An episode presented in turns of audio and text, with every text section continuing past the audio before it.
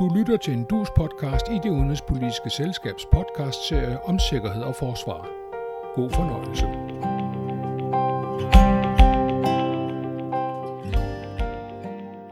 Hvor er Vesten, og hvor er Vesten på vej hen efter NATO-topmødet i Vilnius i juli og flere EU-topmøder i forårets og sommerens løb? Hvordan ruster den del af verden, der ledes af USA sig, til at takle Putins Rusland også efter krigen om Ukraine? Og når USA retter blikket stadig mere mod Kina, hvordan indretter Europa sig så på at være lidt mere alene hjemme? Det skal den næste halve time handle om. Jeg er det udenrigspolitiske selskabs faste sikkerheds- og forsvarspodcaster Tage Bagman, og med mig denne gang Sten Rynning, professor på Syddansk Universitet med ekspertise i forsvars- og sikkerhedspolitik og omfattende viden om NATO, og ganske nytiltrådt leder af Universitetets Dansk Institut for Avancerede Studier, DIAS. Velkommen til dig, Sten, og til alle, der lytter med.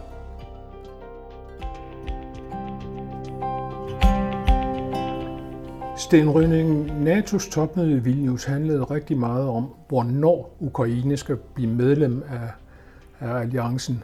Og man kan vel sige, at svaret nærmest blev, at det snakker vi om, når krigen med Rusland er slut. Men topmødet handlede også om så meget andet, som vel dybest set handler om en ny måde at opfatte verden på øh, i sikkerheds- og forsvarspolitisk sammenhæng. Det er fuldstændig rigtigt. Øh, NATO er i gang med at omstille sig til en ny tid, og det vil øh, komme ind på lige om et øjeblik. Men i spørgsmål om ukrainsk medlemskab var det en relativ svag udmelding fra NATO om, at de, hvor de bekræfter, at Ukraine bliver medlem en dag, men det er jo ikke mere, end de sagde i 2008. Og det er simpelthen uafgjort internt i alliancen, hvor hurtigt man skal rykke på det. Så der har været en del kritik af, at det var, det var ikke godt nok. Så vi vil givetvis se noget meget mere konkret til Washington-topmødet næste år, som også er NATO's 75-års topmøde. Altså det, man så skal prøve at afgøre der, er vel den tilføjelse, der var både på Bukarest-topmødet, da man inviterede første gang, og denne gang, som hedder, ja, Ukraine bliver medlem, når det opfylder betingelserne. Mm. Og diskussionen står om, når det opfylder betingelserne. Ja, ja altså det, det, det eneste, man opnåede i Vilnius, det var, at øh, Ukraine kan komme ind, uden at komme i den, gennem den her øh, proces, der hedder Membership Action Plan, som skulle gøre det, øh, som jo vil gøre det lidt vanskeligere for Ukraine at komme ind, fordi der er mange ting, de skal tilpasse sig. Men det her med at øh, få Ukraine ind i den vestlige sikkerhedsarkitektur, og hvad det gør ved forhold til Rusland, det er det, der skal tykkes igennem, og amerikanerne var jo blandt dem, som ikke synes, at der skulle gøres noget nu. Men de, de er nødt til at svare på, hvad er det, vi kigger ind i? Hvad er det for en arkitektur, vi kigger ind i? NATO kommer til på en eller anden måde at øh, være en garant, enten direkte eller indirekte, for Ukraine, og det skal, det skal være mere klart næste gang. Men, men det, som øh, er den det lidt bredere ocean, NATO svømmer i, det er et skifte fra, at vi havde med asymmetriske konflikter at gøre i lande, som øh, ikke rigtig fungerede, øh, sammenbrudte stater, som typisk lå lidt langt væk fra vores kerneområde, altså Nordamerika og Europa. Det, det, det havde vi egentlig øh, en næsten 20-årig periode, hvor det var det, der optog øh, landene, og dermed også det, der, det blev det design, NATO fik, at det skulle kunne rejse langt væk. Øh, man begyndte i årene efter, efter Afghanistan, øh, så i 14, der gik nogle år før, hvor man egentlig bare pustede ud, men da man kom hen til sådan en 18-19 stykker, så begyndte man at snakke om, at det er vigtigt, at vi snakker nu om strategic competition. Altså det er et stort geopolitisk spil. Kina, Rusland, øh, Vesten, hvad skal der ske? Og det er stadigvæk dagsordenen. Hvad, hvad sker der på den store plade? Det, som krigen i Ukraine har gjort, lagt oven i det, øh, er, at øh, strategic competition i høj grad sker uden for de etablerede institutioner, NATO. Så det vi ser i, i Ukraine er, at øh, støtten til Ukraine meget går gennem, hvad enkelte lande har lyst til at gøre. Og så snakker de sammen, så kalder de det en Ramstein-gruppe, fordi det er der, de mødes. Øh, men det, det er ikke noget institutionaliseret samarbejde. Det er, hvad landene har evne og vilje til. Øh, vi ser det også i G7. De er meget tonesættende i, øh, i den brede øh, indsats øh, over for Ukraine. Og vi ser det i den måde, NATO ikke er involveret i Ukrainekrigen. NATO har ingen rolle i Ukrainekrigen. Og i alle de ledere, der har været over i Kiev og besøg øh, Zelensky, der var NATO's generalsekretær Stoltenberg nok den sidste, der kom derover. Og det er ikke tilfældigt. Det er fordi NATO-medlemslandene ikke vil lade deres generalsekretær gå derover og sige, at NATO er en del af krigen. De vil holde NATO som et forsvarsværn for deres eget territorium. Det, der sker udenfor, det tager de selv. Så strategic competition med en vis grad af afinstitutionalisering. Og så det tredje, det er, at der sker en meget kraftig europæisering af forsvarspolitikken, fordi med Kina øh, og USA's øh, øh, engagement i Asien, øh, er det klart, at europæerne skal løfte mere selv.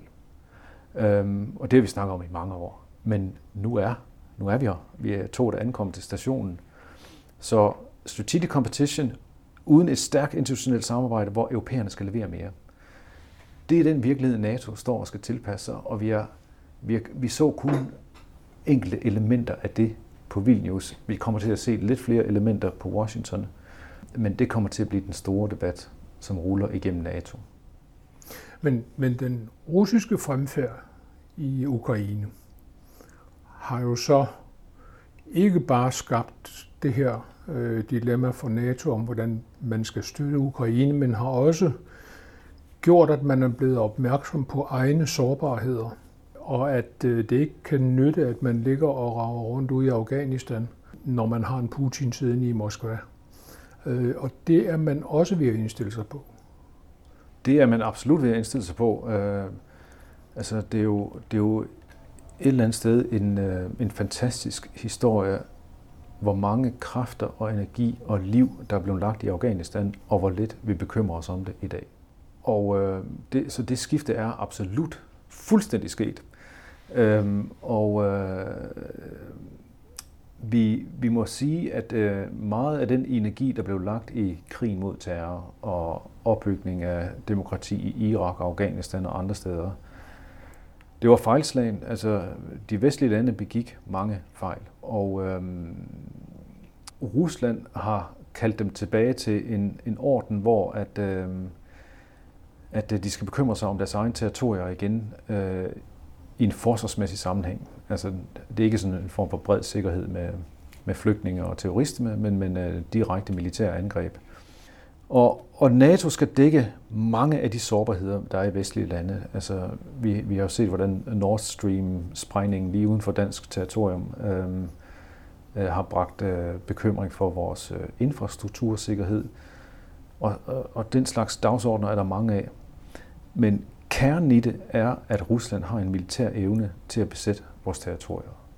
Og det er den kerne, der er blevet NATO's hovedopgave igen. Så på en måde er, det, er NATO tilbage til der, hvor det startede, nemlig evnen til at afvise militære angreb på territoriet. Men i og med, at det er blevet en dagsorden, og Europa har forandret sig, så betyder det, at NATO's tyngdepunkt flytter sig østpå. Og det er jo der, grænsen går, kan man sige. Om den så går ved Ukraines østlige eller vestlige grænse, det er jo et eller andet sted en detalje i det. Den er i hvert fald kommet op til Finland. Øh, den ligger ved de baltiske lande nu, og den ligger et eller andet sted i Østeuropa. Der, hvor grænsen går, er også der, at der kommer til at være politisk indflydelse. Og vi ser, at øh, de lande, der ligger der, kommer til at være mere toneangivende i NATO, fordi det er dem, der har øjnene på Rusland, det er dem, der skal levere forsvaret og dermed beskytte os alle sammen. Og vi ser, hvordan det gamle Vesteuropa er lidt fodslæbende i forhold til at bidrage ind i det. Og hvis man kigger på Frankrigs ageren i Ukrainekrigen, så startede de meget svagt og hjalp ikke Ukraine ret meget. Og vi husker sikkert alle sammen Macrons personlige diplomati med Putin, som førte ingen steder. Siden har Frankrig ændret kurs og er begyndt at hjælpe markant mere. en af de kalkyler, som er gået igennem Paris, er, at omkostningen ved den franske, oprindelige franske kurs var så stor i forhold til, at de østeuropæiske lande stolede ikke på Paris. At det gik op for Frankrig, at de kunne ikke løfte noget som helst i den her europæiseringsdagsorden, jeg talte om, hvis ikke de fik, øh, fik dem med sig. Og måden at få de østeuropæiske lande med sig, er at vise, at man tager kollektiv forsvar seriøst. Europæiseringen har en, en stærk toning af, at der sker også en østeuropæisering af vores øh, af alliance. Vi har jo hørt øh, polakkerne især sige, hvad sagde vi, og, og polakkerne sagde også på et tidspunkt, nu behøver vi ikke at lade os belære af de andre mere. Mm. Øh, så der er en ny selvsikkerhed der også. Men en ting er den her øh, udsyn. Øh, et anden, en anden ting er så, hvordan man oversætter det til militære kapaciteter øh, og militære strukturer. Øh, og hvor langt er man kommet der? I NATO? Det er et godt spørgsmål. Man er, man er ikke kommet så langt. Altså, man fremlagde jo, ja. eller omtalte i Vilnius nogle militære planer, ja. øh, som skulle være færdiggjort og ligge på bordet, men da de ja. er hemmelige, så kan man jo sagtens sige det. Ja. Øh, det eneste, vi ved, det er sådan noget med regionalisering. Hvad skal vi lægge i det? Ja. NATO har egentlig siden 14, da Rusland annekterede Krim, har NATO arbejdet på, hvad gør vi, hvis den store ballon går op over Østpå. Men igennem, altså fra 14 til 20, altså de 20 10'ere, igennem de år var der en, øh, en konflikt internt i NATO, hvor det militære niveau, altså kommandostrukturerne og kommandomyndighederne, tog Rusland mere alvorligt, end man gjorde på politisk niveau, hvor man var meget uenig omkring, hvad skal vi gøre i Rusland. Og der var også Trump, og han havde et Ruslands problem osv. Og det er egentlig først, når vi kommer hen til 1920, at man bliver enige om, lad os køre med den militære strategi, der nu er vedtaget, og den skal udmyndtes i en række dokumenter. De dokumenter er man endelig blevet enige om. Og så blev man enige om øh, på Madrid-topmødet at sige, det kræver, at vi har cirka 300.000 hurtige soldater. Det var det, man i Vilnius sagde. Nu ved vi faktisk, hvad vi mener med de 300.000. Og øh, det er helt rigtigt, som du siger, at det er lidt hemmeligt, og det er ikke sådan helt klart, at hvor, hvor, hvor langt er de egentlig med at stille de 300.000 op. Men i hvert fald i Madrid, øh, og der, der, der er vi jo et år tilbage, der var det ikke helt klart, hvad, hvad er de 300.000. Men det er dog klart, at, øh, at man er blevet mere bevidst om, at man skal tage nogle af de her 300.000 og sige, det er til Nordlanden, og så er det til grænsen over i Østeuropa, og så er det til sydflanken og regionen. Det her re- regionale spørgsmål har været meget betændt i NATO, fordi lande vil typisk ikke sende tropper til regioner, der ligger langt væk. Så man er kommet langt politisk i at, i at sige, hvad, hvad mener vi, når vi siger regioner. Men så er det det her med de 300.000, og der, der mangler jeg at se helt klart, hvem er det, der skal levere dem? Hvor klar, klar er de? Og amerikanerne vil jo givetvis sige, at øh, det er ikke os, der skal levere ret meget af det der. Det må være blive jer. Og når jeg kigger på de europæiske lande, så er der ikke mange europæiske lande, der kan levere øh, mange brigader, end sige divisioner, der kan sendes over til østgrænsen. Så der er nok en del hjemmearbejde, det er dyrt. Det er dyrt stats øh, i, at, i at opstille NATO's fors- og kollektive forsvar. Og man ser jo, at den debat, vi har i Danmark, øh, kommer alle lande til at have, nemlig at der kan være nogle politiske partier, der synes, det er bedre at investere i cyberforsvar eller øh, infrastruktursikkerhed.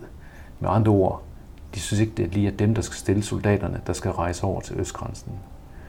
Så igen, en ting er, at man siger, at man vil levere flere penge ind, men betyder det også, at man leverer soldaterne, der er klar til at rejse til østgrænsen. Øh, og der, der er NATO, der har de en del arbejde foran sig. Vi er i gang med en podcast i det udenrigspolitiske selskabs serie om sikkerhed og forsvar. Denne gang om Vesten efter forårets og sommerens topmøder i NATO og EU i lyset af krigen i Ukraine. Jeg er selskabets faste sikkerheds- og forsvarspodcaster Tage Bagmand, og jeg taler med professor Sten Stenrydning, Syddansk Universitet. Sten Rønning, vi talte før om, øh, om de 300.000 mand, som øh, NATO nu vil have i den hurtige udrykningsstyrke. Ved vi noget om, hvor de 300.000 kommer fra? Altså, er det et øh, tal, man har regnet sig frem til, fordi der er et behov for 300.000 mand, eller er det et politisk tal, der tilfældigvis er 10 gange det, man havde i forvejen? Jamen, altså, som jeg forstår det, så kom de 300.000 ud af Madrid-topmødet, da man ligesom lagde hånden på de forsvarsplaner, der fulgte af den militære strategi, som havde været lidt politisk betændt i, øh, i øh, skal vi sige, slut 2010'erne, og sagde, hvis vi er enige om de her planer, hvor mange tropper kræver det så? Og der lavede man et brutotal. Og det, det har jo så siden skulle brydes ned, og man skulle blive enige om, hvad for nogle regioner kigger vi på, og hvem leverer ind i dem. Jeg har ikke set øh, skal vi sige, fortrolige dokumenter, der ligesom bryder det længere ned, øh, men øh, det har de jo givetvis øh, intentioner om at fordele ud til nationerne. Det er klart. Hvis vi lige prøver at holde fast i det her med regionaliseringen. Mm. Øh, i, øh, I Vilnius meddelte tyskerne, at de ville have en stående brigade i Baltikum. Hvad, 4.000-5.000 mand. Mm.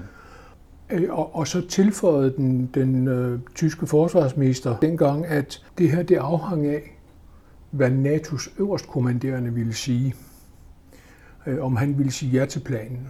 Og bagved det ligger jo en bekymring for, at hvis man tildeler for mange tropper til for mange specifikke opgaver, så har han pludselig ikke noget at gøre godt med, så har han ikke nogen fleksibilitet. Mm. Hvordan har man tænkt sig at løse det? Altså, det gælder jo for alle lande, at de, øh, de, de vil balancere mellem at dedikere det, de har af tropper til NATO's forsvarsplaner, og gøre brug af dem i de sammenhænge, hvor de synes, der skal gøres brug af dem. Så det kan godt være, at Danmark siger, at vi i princippet vil levere en brigade til forsvaret af Baltikum, men hvis ilden brænder i Libanon eller Syrien, og så vi sender soldater derned, så kan vi ikke helt bruge det i Baltikum. Så skal vi i hvert fald kalde dem hjem og give dem øh, frisk vand og, og gøre dem klar. Det, det, det er en stående debat, og der pågår en meget klar debat i NATO mellem, om de her tropper skal være reaktionsstyrker, det er det Danmark gerne vil have, eller om de skal være fremskudte. Øh, og det er det, tyskerne har givet lidt på, ved at sige, at vi sætter en brigade over. Og givetvis har vi ikke set de endelige konturer af det kompromis. Der er ingen tvivl om, at der vil komme mere fremskudt, fordi alle er enige om, at vi kan ikke give russerne 30 dage i Baltikum, inden vi får dem ud, fordi så er alt ødelagt. Så der skal være noget fremskudt til at stoppe dem ved havelån. Men det er også helt givet, at lande som Danmark ikke vil sende hele butikken til Baltikum, og så ikke kunne for, øh, reagere, hvis der sker noget et andet sted, som vi har interesse i. Så hvor den lander kompromismæssigt, det har vi endnu helt til gode at se. Men altså, øh, en, en, en tilbagetrukket reaktionsstyrke har vel ikke den samme afskrækkende effekt som en øh, styrke, der står ved grænsen og ser stor, stærk og farlig ud? Ja, men altså, man er, altså, talen i NATO går mere på forsvar, end det går på afskrækkelse. Øh, og det er det her med, at man vil gerne stoppe dem med havelån. Og det, det er ikke afskrækkelse, det er forsvar. Altså, de skal ikke, ikke engang kunne åbne havelån, de skal, de skal kunne afvises ved grænsen. Og det kræver forsvar. Og det kræver nok en høj grad af fremskudt forsvar. Og det vil de østeuropæiske lande slå på. Hvis I mener det, skal I stå herovre. Argumentet imod det, det er, at dels at befolkningerne skal kunne holde til det i, i Vesteuropa, så de vil ikke sælge hænge i politikken derover, butikken derover. Øhm, der er også et skal sige, strategisk argument i, at man skal være i stand til at reagere på det, russerne finder på. Så hvis de går ind i Bulgarien, eller hvis de går ind i Finland, det, så må vi kunne flytte på tingene. Så vi, vi skal have en reaktionsevne, hvor vi er. Og øh, den reaktionsevne kommer i en eller anden grad til at være afskrækkende. Fordi så kan vi ikke helt stoppe Rusland for at gøre, hvad de har lyst til at gøre, men så skal vi kunne slå hårdt igen, og det er det definition på afskrækkelse. Og det er klart, at hvis man ikke får leveret en stærk konventionel afskrækkelsesevne, altså stærke konventionelle styrker, der kan rejse enten mod nord eller syd, så bliver det nukleart. Og så er vi tilbage til, at øh, det, som Europas forsvar egentlig hviler på, det er USA's vilje til at bruge atomvåben for at forsvare os. Det snakker man ikke rigtig om, men det er virkeligheden, og den virkelighed vil blive mere og mere tydelig, jo mindre europæerne får leveret på europæiseringen af NATO. Den franske præsident Macron har jo været fremme sådan med nogle vage antydninger af, at han godt kunne stille det franske atomvåben til rådighed for en eller anden form for øh, europæisk afskrækkelse. Dels A, er der nogen interesse for det overhovedet, og dels B, er de øh, franske atomvåben overhovedet egnet til det? Svaret i begge sammenhænge er nej. Øhm, og det vil kræve rigtig meget arbejde i Frankrig og blandt de lande, der skulle dækkes af den franske øh, atomparaply, for at komme derhen, hvor at den udvidet afskræk, nuklear afskrækkelse er troværdig. Og hvis ikke den er troværdig, så, så virker den jo ikke. Men, men det vil jo for det første kræve, at øh, for eksempel polakkerne stoler så meget på franskmændene, at de siger, at vi kan godt bero hvor, for, for, forsvaret af vores te, territorium og samfund på, at Paris vil komme og hjælpe os, hvis ballon går op. Og det har Ukraine-krisen i hvert fald ikke vist. Så der er et stort efterslæb der i, i skal vi sige, fransk troværdighed. Og så kræver det også for et land som Frankrig, at de, de bygger en atomstruktur, det vil sige mange små våben, der både kan øh, håndtere det lokale konflikt og ramme det, det, det russiske center, og at de deployerer det, så det også er troværdigt i, at de ikke bare er et sidste kort, franskmændene vil spille til allersidst. Og det, franskmændene har aldrig tænkt sådan. De har aldrig bygget det op sådan, fordi det har hele tiden været en nuklear styrke, der skulle beskytte dem selv. Så i tænkningen omkring at bygge noget europæisk omkring en fransk udvidet nuklear afskrækkelse, der er meget langt igen øh, der. Øh, så det, det, det, det, er, det er ikke der, vi skal starte. Lad os lige øh, vende EU øh, ganske kort. Der har været et topmøde også i, øh, i EU den 30. juni, hvor man blandt andet kiggede lidt på øh, den øh, øh, sikkerhedsstrategi, man har formuleret, og, og det øh, sikkerhedskompas, man har formuleret. Men man synes ikke rigtigt, at være kommet så forfærdeligt langt. Øh, krigen i Ukraine har jo afsløret nogle gevaldige svagheder, både i NATO-sammenhæng, men også i, øh, i EU-sammenhæng. Øh, for eksempel er det gået op for os, hvor svage vi er på ammunition, øh, både på depoter og på, på produktion. Hvordan øh, manøvrerer EU for at tilpasse sig det her, og hvordan manøvrerer EU for at få samarbejdet til at fungere med NATO? Altså, når vi snakker sådan noget hovedkvarter til hovedkvarterrelationer, øh, altså EU-NATO-bygningerne i Bruxelles, så er stemningen egentlig ret god. Øh, men når vi snakker den virkelighed om, hvem leverer varen, når det kommer til hård sikkerhed, der har EU som altid et handicap. Bolden ligger hos NATO, og den ligger meget hos NATO på grund af USA. Det har ikke ændret sig. Det er også blevet tydeligt, at øh, det, der var planen for at opbygge en sikkerheds- og forsvarspolitisk dimension i EU, som jo i høj grad skulle gå via, at man øh, håndterede kriser og krisepartnerskaber mod sydflanken, øh, det har ikke kunne levere det, man har havde håbet på. Og det har været, et sted har det jo været meget fransk og italiensk drevet, men de to er meget uenige om nogle af tingene i Nordafrika. Og man må også bare sige, at øh, den politik, som Frankrig EU har drevet i Sahel-regionen, jo falder i og med, at der opstår flere og flere militære diktaturer i den region. Øhm, så den operationelle side af EU's politik er i krise. Der, hvor EU har noget på den sikkerhedspolitiske dagsorden, det er, og dermed også forsvar, det er, at de kan vedtage sanktioner. Og det har klart gjort EU til en vigtig spiller i forhold til Rusland på sanktioner. Så har EU også infrastrukturen i Europa for, hvordan materiel flyttes og opbevares. Det er EU-lovgivning, Det er EU-understøttelse øh, af jernbaner og broer og øh, rørledninger og øh, brændstofdepoter og rent vand og så videre, som tropperne skal bruge. Det er meget vigtigt, at EU spiller med på den. Og så er der en tredje dagsorden, som er øhm, som også ligger til EU, og det er beskyttelsen af kritisk infrastruktur i Europa, og, og hvordan både Rusland, men især Kina, kan investere i den og få kontrol med den. Og den form for resiliens, som det jo hedder, kan Europa ikke etablere uden EU. Og det skal helst ske i samarbejde med USA. Og heldigvis er det jo gået meget bedre i den dialog med USA, siden Biden kom til. Men NATO har også en resiliensdagsorden, men den er meget snævrere end den, der ligger i EU. Så det er meget vigtigt, at de to de spiller sammen. Men det, det er også mit indtryk, at de gør det. Men der, hvor det åbenlyst er nemt for NATO og EU at samarbejde, det er omkring altså, skal vi sige, den militære infrastruktur, brændstoflagerne og broerne og jernbanerne.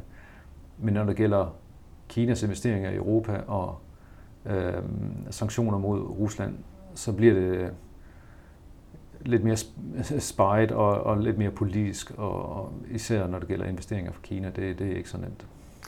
Har Ruslands krig i Ukraine eller mod Ukraine gjort, at NATO og EU synger fra det samme blad, når man taler om opfattelsen af, hvad truslerne er? Eller er det stadigvæk sådan, at man har lidt forskellige opfattelser af, hvad truslerne er og hvor truslerne er?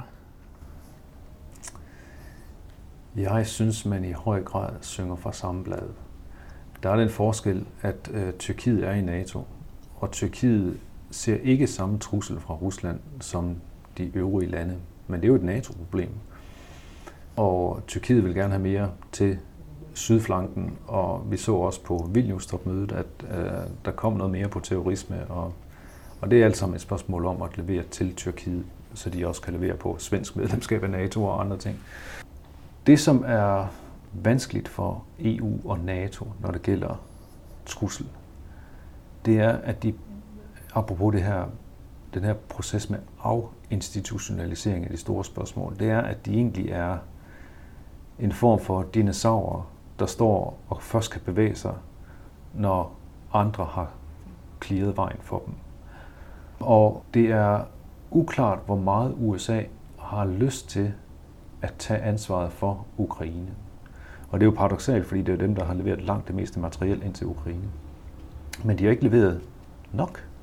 Ukraine vinder jo ikke. De har leveret nok til, at Rusland bløder, og de bløder stærkt. Og det kan, må man jo formode er en amerikansk interesse, at Rusland bløder. Men de har ikke leveret nok til, at Ukraine vinder. Og nu går der lige snart øh, præsidentvalgkampagne i, øh, i USA, og det der er den store trend, og som rækker ud over Trump, spørgsmålet om Trump, det der er den store trend, det er, hvor meget vil det republikanske parti definere en national interesse, som stopper et eller andet sted i Midtatlanten, og som ikke ser Ukraine som så vigtig. Hvis den stemning breder sig, og selv demokraterne skal tale den til sig, så kan det være, at de dæmper deres lyst til at investere i Ukraine. Og som jeg sagde tidligere, Paris har været meget øh, fodslæbende på Ukraine. Britterne har været meget foran alle andre, men britterne har jo også trådt ud af EU, øh, og de arbejder sammen med Polen og de baltiske lande, som ikke er kernelande i konstruktionen. Og tyskerne sidder fast i at diskutere, hvordan er, at de bruger alle de penge, de har lov at bruge, og de har ikke nogen forsvarskultur. Vil jeg, hvis jeg sad i Baltikum stole på, at tyskerne kunne redde mig? Øh, klare svar vil være nej, fordi de har ikke kulturen til at gøre det. De skal arbejde sammen med amerikanerne. Øhm, og så kan de måske gøre det. Men det vil sige, at der er så mange uafklarede spørgsmål omkring, hvad er egentlig grundmekanismerne på kontinentet, at der sidder både NATO og EU egentlig og venter. Og det, det, det er et politisk spil, som igen, det er afinstitutionaliseret, og det vil involvere en eller anden grad af europæisering. Men vi har ikke svarene, og mens vi venter på dem, der vil EU og NATO, de vil komme ud med en masse, som vi siger, policy, altså politikker, men det vil ikke være det, der tæller. Det er ikke, det, det er ikke de dokumenter, man skal læse. Man skal holde øje med bevægelserne mellem hovedstederne. Så vi ved i virkeligheden ikke så forfærdeligt meget. Nej, altså krigen i Ukraine har kastet vores arkitektur op i luften. Og det, den arkitektur, NATO og EU er udtryk for, er jo en arkitektur, som er blevet, øh, har vist sig ikke at være stærk nok. Og det bliver ikke NATO og EU som fælles institutioner, der kommer til at definere den nye arkitektur. De vil skulle tilpasse sig det politiske, den politiske enhed, der kan komme mellem de store hovedsteder i det her spørgsmål. Vi har set, øh, hvor hurtigt øh, dagsordenen kan ændre sig i NATO. Måske ikke, hvor hurtigt selve NATO flytter sig, men dagsordenen ændrer sig, øh, afhængig af, hvad der sker i verden. På den baggrund, hvordan tør du så skrive en bog om NATO, der udkommer næste år? Til februar næste år. Jamen, når man skriver sådan en bog, og jeg, og jeg starter i 2. verdenskrig og følger skabelsen af NATO og så NATO's skæbne igennem mange kriser og, og, og og dialoger på tværs af Atlanten. Altså man kører op til rampen, og kører op til 24, og så kigger man ud over rampen og siger, at øh, her er nogle ting, øh, vi skal holde øje med, her er nogle grundtendenser, og så, så, så lægger jeg ikke hovedet alt for meget på, på blokken med hensyn til, hvad der sker, fordi, øh, som du siger, det er, det er uhyre dynamisk. Øh, men, men jeg, jeg er sikker på, at, at læser af sådan en bog, de vil, øh, de vil være godt klædt på til at følge med i debatten, hvis de har læst den, og det håber jeg, de gør. De toner fortæller, at vi skal til at stoppe, selvom vi kunne tale længe endnu. Jeg er det udenrigspolitiske selskabs faste forsvars- og sikkerhedspolitiske podcaster Tage Bagman, og jeg talte med professor på Syddansk Universitet, Sten Rønning. Tak til dig, Sten, og tak til alle jer, der lytter med.